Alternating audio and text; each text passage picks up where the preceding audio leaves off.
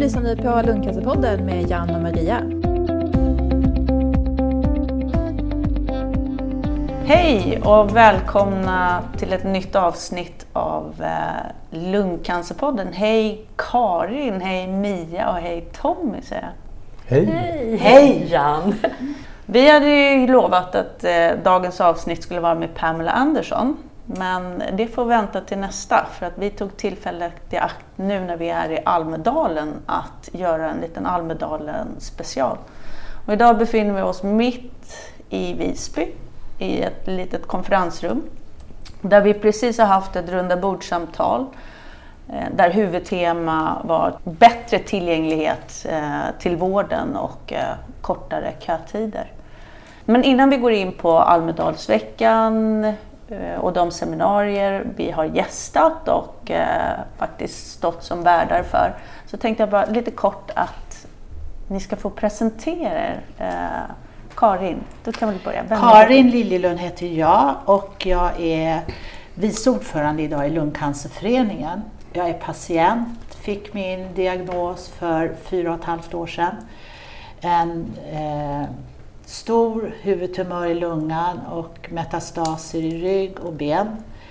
Eh, har eh, haft turen och, och ha en eh, ALK-translokation. En typ av lungcancer som kan behandlas med målstyrande mediciner. Det har jag gått på nu i, ja, i tre år och tumören, de har, jag har svarat väldigt bra på det, tumören har krympt och jag mår idag förvånansvärt bra.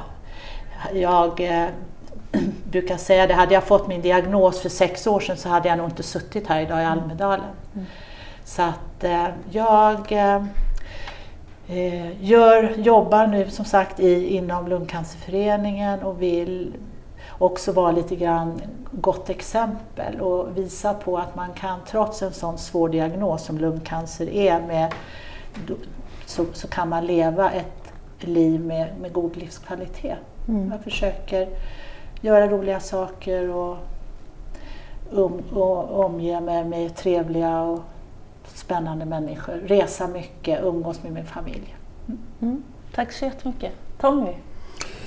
Jag, jag är också patient alltså, och eh, sen, jag tror det var snart 15 år sedan nu som jag fick min, började utreda mig för lungcancer.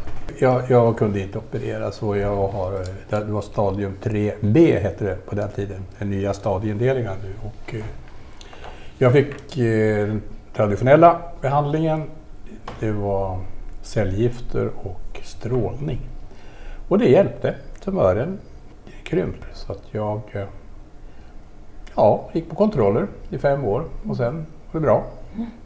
Och efter tre år så, så tog jag faktiskt kontakt med eh, Lungcancerföreningen för jag tänkte att jag kunde bli som här stödperson eftersom jag under samtalen vid varje kontroll man sitter i väntrummet så fick jag klart för mig att det var väldigt ovanligt att man hade överlevt i tre år på den tiden. Så tänkte jag, "Ja, det kan ju vara... Jag såg effekter på de som, satt där. Och När jag talade om det så tänkte jag att det kanske kan vara bra att vara med och vara som där stödperson och tala om att det går att överleva också. Och sen blev jag med. Jag tänkte jag skulle bli stödperson men då blev, hade vår, den dåvarande sekreteraren blivit sjuk så att eh, då fick jag hoppa in som sekreterare. Och sen blev ju vår ordförande sjuk också. Och, eh, sen dess har jag suttit med Svarte Pett 8-9 år. Ja. Och gör ett fantastiskt jobb. Mm, Ja, tycker vi. så Vi är det. tycker det är bra.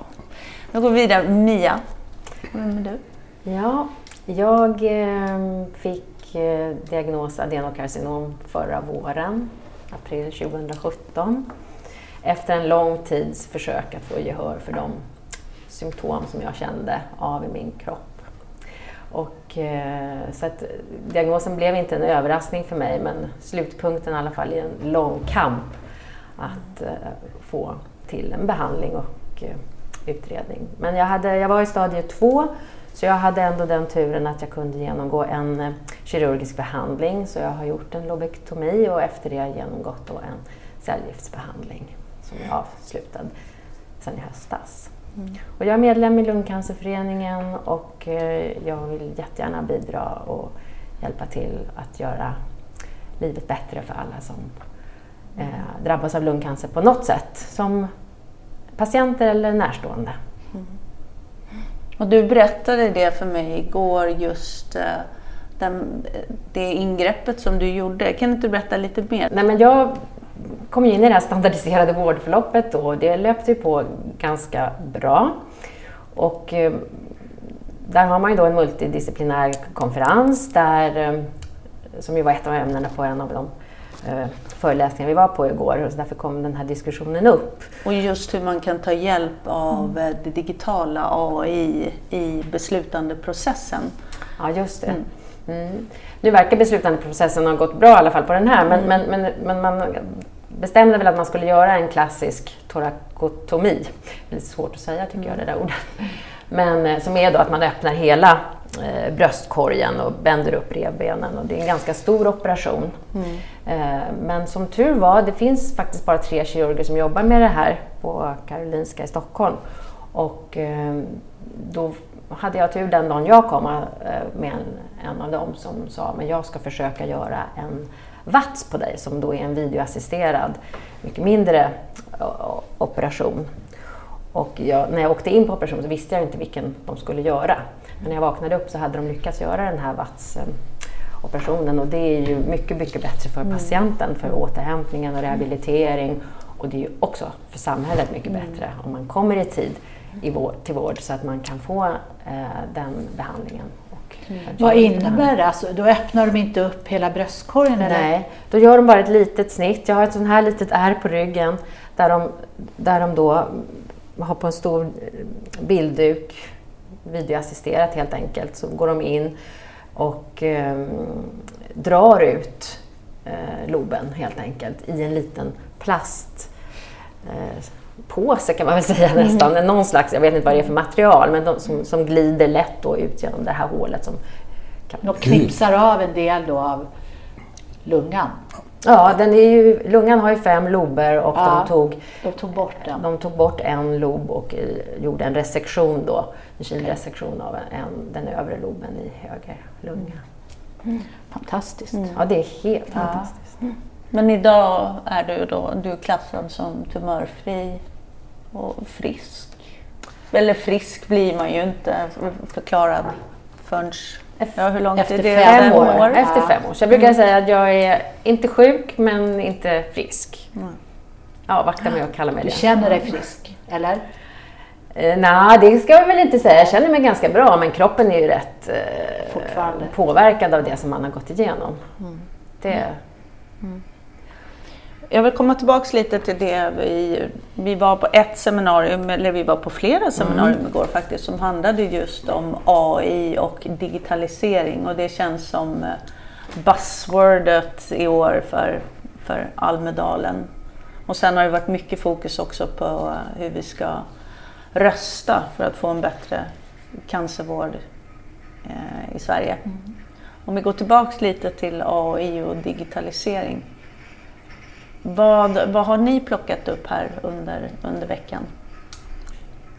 Ja, jag hörde, det var ganska mycket på tapeten redan förra året. Mm. Och jag tycker nog att det är ett bra hjälpmedel men det är, det är ingenting som kommer att lösa alla problem. Och mm. jag, jag har ett exempel på från en kille som var framgångsrik eh, affärsjurist och hans barn fick en allvarlig sjukdom. Och eh, de fick åka, sitta och åka in till sjukhuset var och varannan dag han, han la ner det och satsade helt och hållet på sitt barn och, och har lyckats åstadkomma till exempel att man kan göra provtagning hemma och kommunicera med vården just med nya metoder så att eh, när de kommer in och ska träffa läkaren så har läkaren alla uppgifter redan för de har tagit prover och sånt hemma. Så istället för att tillbringa hela förmiddagen eller halva dagen åtminstone på sjukhuset så var det någon, någon timme. Kanske mindre ändå. Ibland behöver de inte ens åka in. Och det, där, det är sådana där saker som man... För det tycker jag vi hör och det har vi hört idag i dagens... Det värsta, det är ovissheten. Ovissheten om när man ska få sitt provsvar, vad som händer nästa gång. Mm. Att man liksom, man är i ett limbo. Och det är fruktansvärt jobbigt när man är drabbad av en, en allvarlig sjukdom. Redan misstanken vid utredningen är det ju fruktansvärt. För de flesta utredningar så, så befarar ju patienten att det är nog cancer. Och då vill man inte gå och vänta på att det ska dimpa ner ett brev. Utan man vill ha kontakt direkt och veta vad nästa grej är. Redan det att någon kanske tar kontakt med sig, nu ska du göra det här och det här och det här. Då, då känns det bättre. Det handlar ju väldigt mycket om det du säger Tommy, att man vill bli informerad. Även om det är tråkiga besked man får så är alla besked bättre än ovissheten. Så känner jag i alla fall. Absolut. Jag håller med dig där. om- Det var ett sidospår men det, jag, det, min tanke var ju att eh, eh, där kan väl kanske att artificiell intelligens hjälpa vården att, att administrera eller att, eh, att, att den sker på snabbast tänkbara sätt. För eh, det här personliga mötet är ändå väldigt viktigt. Att du har en doktor eller att du har en sköterska Men du menar att just däremellan, att det Ja. finns möjligheter att kommunicera Ja. på andra Ja, sätt? Ja. Precis, det var det. Men det känns ju så mycket också, temat har varit att det handlar om att eh, bygga strukturer som är redo för den här förändringen. Att det kommer till just hur kan vi inkludera teknologin? För idag funkar det ju inte riktigt varken med insamlingen av, av, av data, hur vi använder det, likväl som eh, eh, nu går jag in på ett litet sidospår, men det är också att förbereda för alla dessa nya behandlingsformer som kommer och hur, hur tar vi hand om, om det? Ja, Jag, jag var på ett, kanske, ja, det an, anknyter väl till det här, men där var man ju, pratar man väldigt mycket om, eh, vi ser liksom på systemet inom vården, det behövs en annan typ, en förändringsledning. Vi behöver ledare som kan hantera och vågar ta beslut om att testa nytt och pröva nytt och göra annorlunda. Nu när vi kommer in på AI, att inte man tror att det där bara är något och hemskt, utan man plockar russinen ur det här. För jag tror inte att allt heller med, man kan ta det med hull och hår, utan man får vara lite restriktiv och, och plocka det som passar. Och det kan vara olika för olika individer vid olika tillfällen. Det kom fram mycket på de seminarierna jag var på igår att sjukvården har historiskt, det har, det har varit väldigt mycket så här ska det vara. Eh, istället för att fråga. Alltså man är alldeles för dålig på att fråga patienten vad patienten vill ha och vad patienten vill ha just nu, för det förändras i tid. Och, och då tror jag att, att det här med AI kan vara, som du lite var inne på Jan, en oerhört viktigt i den här tiden mellan vårdmötena som för, för oss nu som är kroniskt sjuka är det den stora delen. Vi tillbringar ganska lite tid i vården. Och då kommer allt det här med kanske videomöten, med mejlkontakter, och ja, på andra sätt nå, nå vården. För att känna trygghet och få information. Ja, precis. Och jag vill haka på där, det känns lite som också det här blir 2.0, att 1.0 kanske är att också att använda samma journalsystem och, absolut. och sen också för att kunna gå in i nästa skede så känns det som att det är kompetensutveckling som behövs också. Hur använder vi de här nya verktygen? Och det är steg ett, kanske läkarutbildningen. Men sen likväl ute på sjukhusen och vems jobb ska det också vara att när vi pratar om data, att se till att samla data och hantera data. Mm. Och, och där tycker jag att vi som patienter får, ska vara lite uppmärksamma. För det finns ju ett enormt sug nu efter all, det är ju sån enorm mängd data som läggs in och där är ju industrin jätteintresserad av. Forskningen vill använda våra data, men det är vår data och att vi måste liksom vara med i den här processen. Vi måste vara med där nu, för sen är det för sent. att Just för att styra. få in patientperspektivet Ja, ja, också. visst. Ja. Karin, du stod ju som värd för ett seminarium igår. Ja. Kan inte du berätta lite mer om det?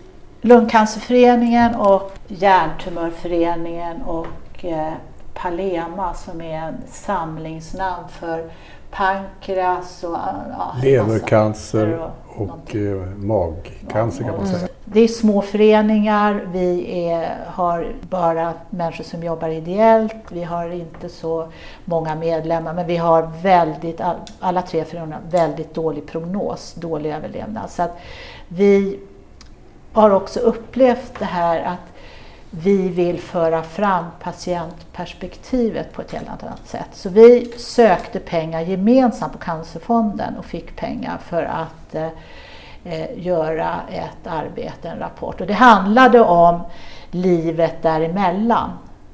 Eh, alltså vad kan vi göra för att förbättra och förstärka tiden däremellan. Och eh, då har vi tagit fram 14 idéförslag. Det handlar om vad jag kan göra själv. Eh, det, det handlar också om att utnyttja andra aktörer, till exempel friskvården, dietister, kommunala omsorgen, för, få in Försäkringskassan för att underlätta för patienten i här, mellan de här mötena.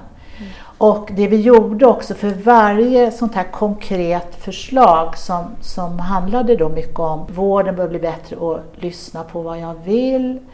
Eh, vad är det som gör att vissa mår så bra? Vad gör jag som gör att jag mår så bra? Ta vara på det också, inte bara ta vara på att man mår väldigt dåligt. Men också att patienter får möjlighet att på ett strukturerat sätt rapportera in vad man har för symptom på grund av då dels sin sjukdom men också sin behandling och att det återkopplas med en gång ifrån vården. Och där har man gjort försök eller haft projekt just med lungcancerpatienter där den ena gruppen en gång i veckan fick rapportera in symptom de hade. Vården tog kontakt och man kunde då justera med en gång, byta medicin eller ja, på annat sätt göra. Och så jämförde man det med en grupp som bara fick standardbehandling och fick tidsbestämda möten. Och då visade det sig att den gruppen som själva rapporterade in, de levde sju månader längre och hade betydligt bättre livskvalitet. Mm. Och det tycker jag är väldigt enkla åtgärder. Så mm. de här, av de här 14 idéförslagen, för vi gjorde också en tabell där vi såg vilket är snabbt, kan man snabbt genomföra, vilka tar lite längre tid. Och då visar det sig att övervägande delen av de här förslagen, idéförslagen, är sådana som eh, går att genomföra väldigt snabbt. Mm. Och vi fick också feedback igår från deltagare i auditoriet som påpekade att många av de här var dessutom sparar pengar för vården. Så att det kändes som att ja, vi fick väldigt ett väldigt god respons där någon sa att äntligen konkreta förslag. Och sen att vi hade också kopplat varje förslag till vad kan vården göra, vad kan RCC göra, vad kan landstingspolitikerna göra och vad kan, vad kan rikspolitikerna göra. Och här och lokala också. Ja, ja precis. Så RCC har vi slängt oss Regionalt cancercenter, förlåt. Mm. Ska vi ha möjlighet att genomföra de här 14 idéförslagen vi har, då kräver det att alla de aktörer vi nämnt, att de måste börja samverka med varandra. Annars så kommer vi aldrig att nå de här resultaten som vi vill nå. Det var avslutande delen i vår rapport handlar om att bygga broar. Och det var ju ett begrepp som dök upp vid flera seminarier. Det var ju patientologi, ja. just samverkan ja. också mellan Visst. patienter. Ja. Och det som var så viktigt, tycker jag, som kom fram under, eh, under vårt seminarium, det var ju också för det är, ett, det är ett steg, ett led som ofta glöms bort. Det är när du väl har en diagnos mm. och mellan vårdmötena. För mycket annars har ju fokuserat också på prevention, vad du kan göra innan. Det ju, har ju varit här i Almedalen flera seminarier på just tema hälsa, vad du kan göra, träna för att minska risken för cancer, äta. Eh, äta. Mm. Och där har vi många eh, andra intressen som är inne på den arenan men inte väl efter Nej. diagnos vad du kan göra för att förbättra Nej. dina förutsättningar Nej. för att ja, för många leva längre. Ja. Nej, men där, där tänker jag att det var så viktigt det du tog upp där Karin, därför att man får ju, eller jag fick i alla fall, och jag tror att alla blir erbjudna det man, man kommer till, till um, specialistvården första och så får man en, en generell information. som, eh, som naturligtvis är bra. Men eh, det, det, är ju faktiskt individuellt vad man mår bra av och att, man, att vården tar fasta på det och kartlägger de individuella behoven och också involverar närstående. Som det perspektivet kom ju också fram under ert anförande och det tycker jag är väldigt viktigt. Och som Eskil som var representant för Hjärntumörföreningen tog upp eh, saker som att eh, han som närstående då kunde känna sig nästan utesluten då ur vården därför att eh, ja, och där tänker jag att man behöver ta in närstående redan från början väldigt tydligt och ha eh, alltså rent konkreta saker, att man har kontaktuppgifter till dem och, och innefattar dem i kommunikationen. Mm. Och det var ju viktigt, för det, var, det är ju en del i vår rapport, det är ju precis närstående fokus. För det är precis som du säger, det, det, de glöms ofta bort. Och de är ju liksom en enorm resurs. De gör ju så väldigt mycket, stor del av jobbet i den här mellantiden mellan vårdmötena. Och där har det ju också varit flera seminarier som har handlat om just hur kan, man, hur kan det byggas plattformar mm. för både närstående och om du har en diagnos. Mm. Där, där har ju föreningen, Lungcancerföreningen ja. en väldigt viktig roll tycker jag och det, det, den rollen har, tar vi också. Mm. Att skapa relationer mellan patienter men även närstående. Där man har, vi har ju våra Facebook, Facebookgrupper både för patienter och för, mm. för närstående. Och där, där ser vi ju i, i flödet på vår Facebookgrupp att det finns ju ett enormt behov hos vissa att kommunicera. Idag är jag mm. orolig och så får man åh, tycker synd om dig, hjärta hjärta. Ja. Och, och det är ju olika, det, det passar inte mig men att det finns som du också var olika. Vi behöver så väldigt mycket olika typer av stöd. Nej. Och vissa vill ha mycket information, vissa vill inte ha någonting. Man vill ha information i olika skeden. Mm. Och det här måste ju vården vara bättre på att fråga efter. Och fråga flera gånger under, i tid. Mm. För det ser inte likadant ut. Nej. Och där Tommy, du har ju varit med här på Almedalen i några år. Och patientfokus, Ja, det har ju, det har ju ökat väldigt mm. mycket. Och det började nog redan, ska jag väl säga, för en 6-7 år sedan. Då man, eh, det ingår i den eh, nationella cancerstrategin att patienten ska, ska vara med och bestämma. Mm. Och eh, man har gjort olika satsningar men, men det ökar och eh, patientinflytandet vill jag påstå. Och det finns krav på i alla sammanhang eh, att vi ska vara med. Till exempel så sitter Karin och jag nu i, i, pass, i en runda bordsgrupp med läkare, sjuksköterskor och några administratörer för patientflödet inom lungcancer. Och vi har uppmärksammat eh, saker där som gör att eh, bland annat tror jag att det här, det här rundabordssamtalet mm. idag kom mm. till. Mm. Vi ska ju försöka hitta något sätt att, att alla gör lika och gör rätt. Mm. Mm. För det, det varierade väldigt mycket. Eh, mellan 79 och 10 procent som resultat för de olika landstingen, hur de hade uppnått de här mm. standardiserade vårdförloppens mm. krav så att säga. Mm. När vi ändå pratar det offentliga, ett tema har ju, återkommande tema har ju varit hur ska vi rösta? Har ni blivit något klokare?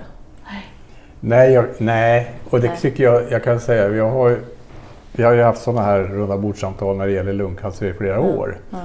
Och det, som det, det positiva som jag har snappat det är ju att det finns ingen större skillnad. Nej. Det man kunde höra igår vid några tillfällen, när man var ute och hörde på olika, då passar de på nu när det är val att de kanske slänger, slänger en liten tjuvanmärkning sådär lite mm. skräp på varandra. Men, men i det stora hela så är man överens mm. om det här. Ja, det, det kändes ju som alla är väldigt mm. samstämmiga och också just att eh, RCCs betydelse var ju återkommande. Jätteviktigt. Ja, jätteviktigt. jätteviktigt. Ja, det är bra. Ja. Den, stora, den utredning som låg till grund för nationella cancerstrategin det var ju en tidigare generaldirektör som eh, var socialdemokrat. Eh, mamma förresten till den nuvarande generaldirektören Olivia Wicksell. Kerstin Wicksell. Och den genomfördes sen utav, av alliansregeringen. Så att jag menar, de det finns ingen motsättning att man ska ta hand om om cancersjuka. Mm. Något annat som ni reflekterat över här i Almedalen? Är det någonting som ni tar med er hem härifrån i år? Ja, jag tycker att dagens här rundabordssamtal var väldigt viktigt. Det kändes som de här landstingspolitikerna som vi hade här tog till sig. Och jag vill passa på att tala om här i podden också att jag tycker det är jätteviktigt att eh, du Jan och du Karin som patienter talar om hur ni har haft det. För det är sånt som, som det är lättare att ta till sig för politikerna som sitter där. De är så långt ifrån vården, från läkaren och sjuksköterskan ute på sjukhuset. Det är ju längst ifrån är politikerna. Så det är väldigt viktigt. Och sen så tycker jag nog också att eh, det här, dagens runda eh, rundabordssamtal utmynnar i att man, vi sökte ju lösningar. Hur skulle man göra? Det är, det är någonting det här med primärvården som, som är väldigt viktigt. Att, eh, att vi måste ha en bättre primärvård. Höja statusen på den. Så vi måste höja kompetensen. Tack Tommy. Mia? Ja, men Almedalen har väl fått eh, en del kritik för sitt upplägg men jag tycker ändå, det är första gången jag är här, och jag tycker att det är väldigt viktigt att näringslivet träffar representanter från kommuner och landsting och jag tror ändå att det är en bra plattform. Så jag är positivt överraskad ändå. Och, eh, det finns mycket innovation och eh, det ska inte vården syssla med för de är bra på det de gör och de ska vårda den kompetensen som de har och ge bra vård och ta hjälp av innovatörerna. Och jag önskade att det samarbetet skulle vara större och ha fler ytor. Och i år när man sökte på cancer så var det ju hela 32 seminarier på tema cancer. Vilket jag som ny här i Almedalen ändå var förvånad över. Det var ett intensivt, har varit ett intensivt schema. Mm. Eh, hur, länge, hur länge har Lungcancerföreningen varit här? Varit... Ja, sex, sju år tror jag, något sånt där. Mm. Det var ett samarbete med ett läkemedelsföretag som du nämnde Mia som gjorde att vi kunde ta oss hit. de små föreningarna skulle aldrig klara sig och etablera sig utan den hjälpen. Mm. Och sen skulle vi ju inte klara oss heller utan eh, vårt stöd från eh, våra medlemmar, eller hur? Eh, det, och det är ju någonting som eh, vi gärna vill lyfta fram också. Om du inte är medlem i föreningen så gå jättegärna med. Det är 150 kronor per år. Eh, och sen familjemedlemskap är 250 kronor per år och där är varje krona oersättlig. Tommy eller Karin, kan ni, någon av er bara kort berätta, vad gör, vad gör vi i Lungcancerföreningen? Ja, framförallt är det påverkansarbete. Mm. Vi, vår önskedröm är ju att vi skulle kunna ha träffar över hela landet. Eh, det tycker jag ofta man hör. Det kom fram folk här i, i Visby nu till mig igår och eh, frågade om det fanns fler som man kunde få träffa och prata om sin lungcancer. Det är jätteviktigt. Vi försöker ordna det, men det, det är väldigt svårt. Vi har vårt stigma och därför tror jag att man måste samarbeta. Jag tror att eh, vi är med i något som heter Nätverket mot cancer också. Som, eh, många sådana här små föreningar. Ett, ett exempel eh, på det är ju det här mötet. Livet ja, däremellan seminariet. Tillsammans med, med Hjärntumörföreningen och eh, den här Palema då för pankreascancer och levercancer. Med. Tommy var inne på det här med påverkansarbete, alltså lobbyverksamheten.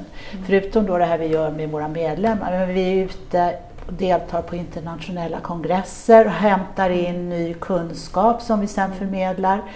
Vi sitter med i eh, eh Lungonkologiskt centrums ledningsgrupp, Tommy och jag, och kan driva och bevaka. Där har ju Tommy drivit det här med mm. korta kötider.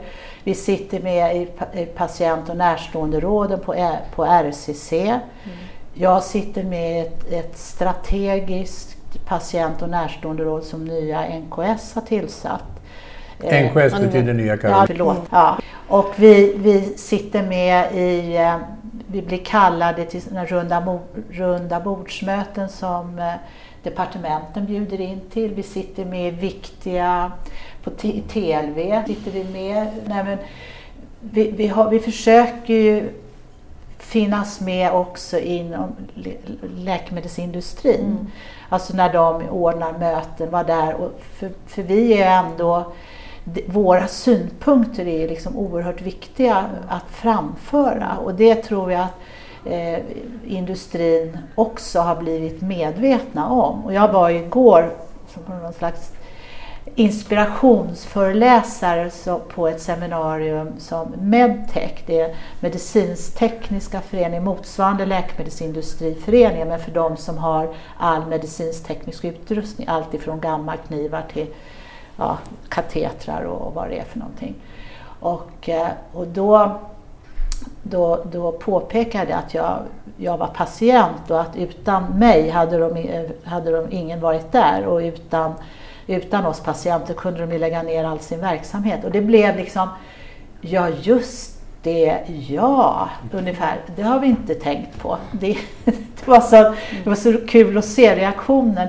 Ja, jag, jag, jag tycker det ser så stimulerande att vi känns välkomna. Det är inte som att de måste, bara måste släpa dit oss utan de känner att vi är viktiga våra patientberättelser i kombination med de förslag vi kommer med. Men sen handlar det väl också om att det inte bara att vara, att vara synliga och, och eh, påverka i Sverige utan en del av eh, föreningsarbete är ju också att vara ute på den internationella mm.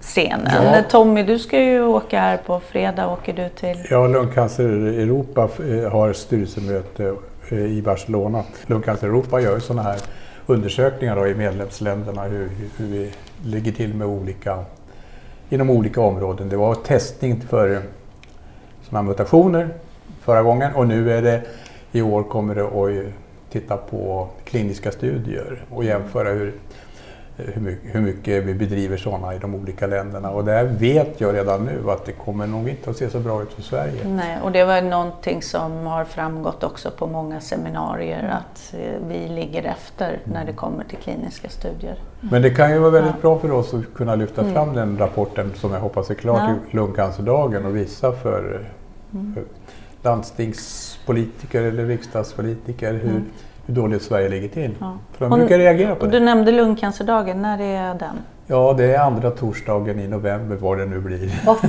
november är det. 8 november. Ja. Då måste alla vara där. Ja, ja. så välkomna alla. Och ta med vänner och bekanta.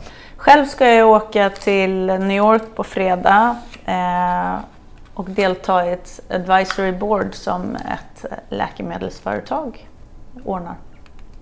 Så det ska bli spännande. Ja, de vill ju ta reda på vad vi verkligen vill. Ja. Och det, det här är ett sätt för dem att stödja oss tror jag.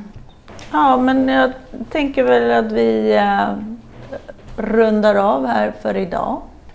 Och nästa avsnitt som sagt, det blir med, med Pamela Andersson. Och då ska vi prata mycket om eh, fysisk aktivitet och hur det faktiskt också kan påverka din livskvalitet och eh, som Pamela säger, hon tror att det var hennes eh, väg till att idag vara tumörfri. Mm. Stort tack! Tack! Tack, tack så mycket! Ha en skön tack. sommar! Tackar! Tack för att du lyssnade på Lundcancerpodden med Jan och Maria. De senaste avsnitten hittar du alltid på lundcancerpodden.se eller i din podcastapp.